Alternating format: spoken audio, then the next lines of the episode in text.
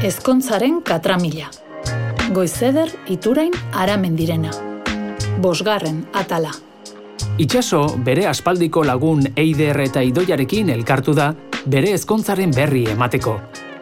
Eiderrek berriekin aurre hartu dio Teresa izeneko neskalagun berria aurkitu duela esanez.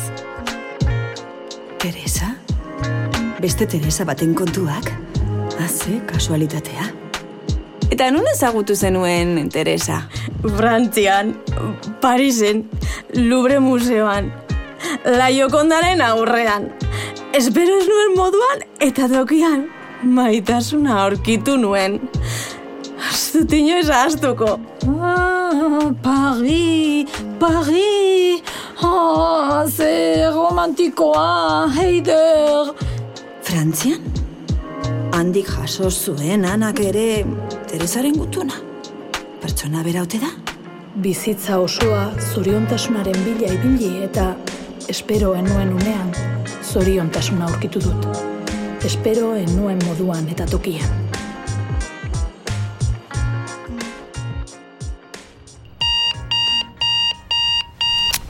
Ai, ai, egunon.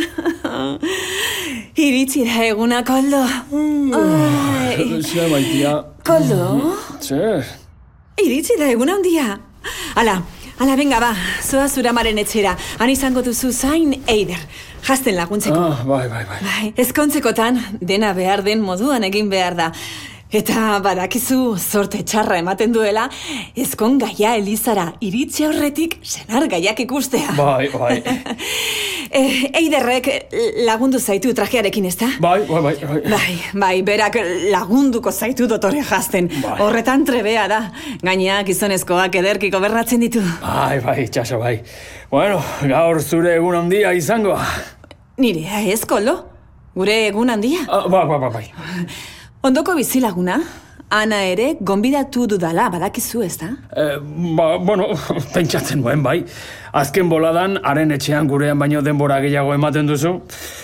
Bueno, bat gehiago zientoka lagunen artean, pff, ze axola dio. Baina ze, saten ari zea. Gonbidatu gehiagit ditugula? Ez, ez, ez, ez, ez, ez. Beira, irrikitan nago nire emazte gai ederra Elizan sartzen ikusteko. Txan, txan, txan, txan, txan, txan. Emazte gaia deitzea ez dakit gehiagizkoa ote den. Hogei urte badira eta elkarrekin bizi garela. Ze diozu? Ez, ez, ez, maitea, lasai nire kontuak. Urduritasuna izango da. ai, ai ama, dena primeran aterako da, ez da? bai, noski. Anak izugarri lagundu nau azken aste hauetan. Beragatik ez balitz, enuke jakingo zein soineko aukeratu. Anak ordea garbi ikusten zuen zein izan behar zuen nire soinekoa. Bueno, koldo, maitia, ilaponde gira noa azken moldaketak egitera. Oso Bai, gero arte. Ai, gerarte. Mua.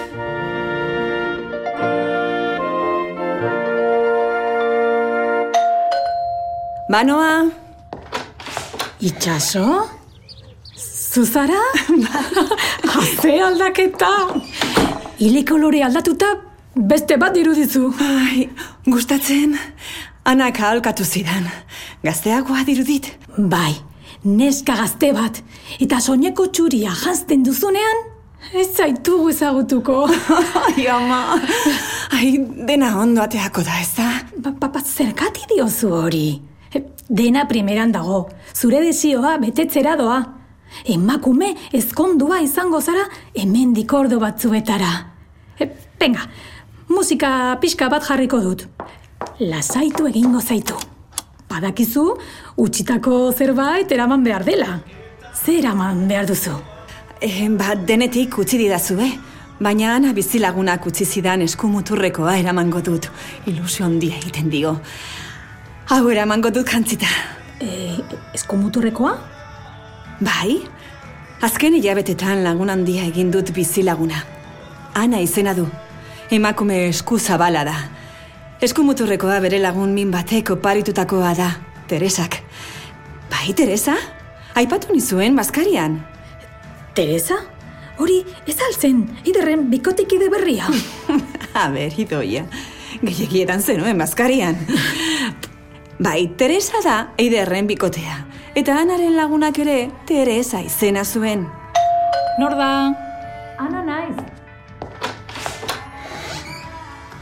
Ai, ai, itxaso. Abesti hori, Zein abesti? barkatu itxaso. Abesti hori, zuain dotore eta eskumuturrekoa jantzita. Zera, badakizu, Teresa. Etzazu negar egin. Begietako margo guztia joango zaizu eta. Zu ere, Ana, oso dotore jarri zara. Barkatu itxaso. Denboran atzera egin dudala dirudi, milaka irudi datozkit burura. Badakizu, Teresa eta olio ipurdia jartzen zait, zuain ederra ikustean. Teresa, berriro. Jakin beharko dut, ba, nor den ditxososko Teresa. Barkatu, barkatu neskak, oroitzapenak, eta abesti hau gogoko zuen Teresak, eta niri ere ikaragarri gustatzen zait. Gaur berriro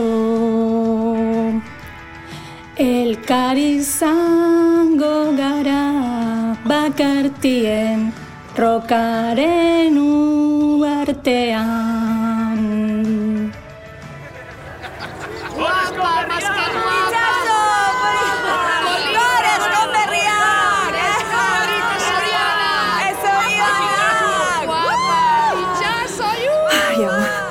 Begira zenba jende dagoen nire zain. Niri begira. Zu, lasai, kotxeko gidariak atea ireki arte, zain egon, ondoren, atera. Eta erakutsi nor zaren denei. Ai, ezin dut, urdurin nago. Disfrutatu. Zure lagunak aldamenean izango gara? Zuk nahi zenuen bezala, horrezko dama moduan, soinek urdinez jantzita.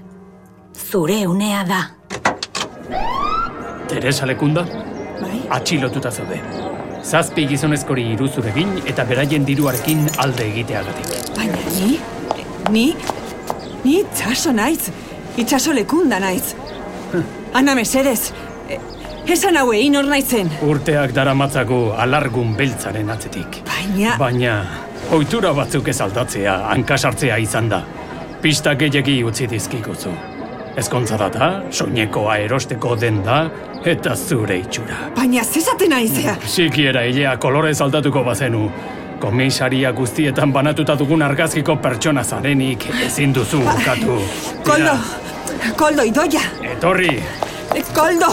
Baina hau ezin ezkoa. venga, sartu barrura! Sartu barrura, Kendu, zure bertsioa kontatzeko denbora izango duzu. Eskuan daramazun eskumuturrekoa ere ezaguna egiten zaigu.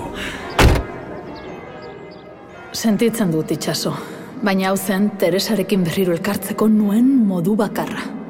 Poliziek eskuartean duten irudia zu zara. Teresaren irudia zara. Eskumuturreko azkenengo senarraren oparia izan zen. Itxaso lekunda, Teresa lekunda bihurtzea lortu dut. Une honetan benetako Teresa zain izango dut aireportuan. Urteak daramatzagu elkar ikusi ezin da, baina polizien eskuetan zu zauden bitartean. Gure unea iritsi da. Ikusi zintudan unean jakin nuen zuk izan behar zenuela. Abizen bera izatea bizitzaren beste txiripa bat. Mila esker, itxaso Teresa.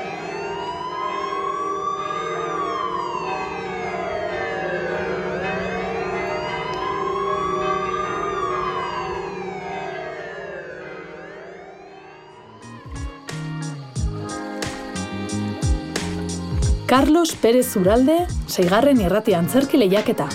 Gazteizko nazioarteko antzerki jaialdiak, Radio Vitoriak EITBek eta Laboral Kutxak babestua. Laboral Kutxa saria, ezkontzaren katramila, goizeder iturain aramen direna. Ahotsak, Susana Soleto, Jose Cruz Gurrutxaga, Josune Bele de Mendizabal, Alicia Albarran eta Anea Rugaeta. Zuzendaria, Carmen San Esteban. Soinua, Iñaki Alonso. Sonora estudioetan grabatua.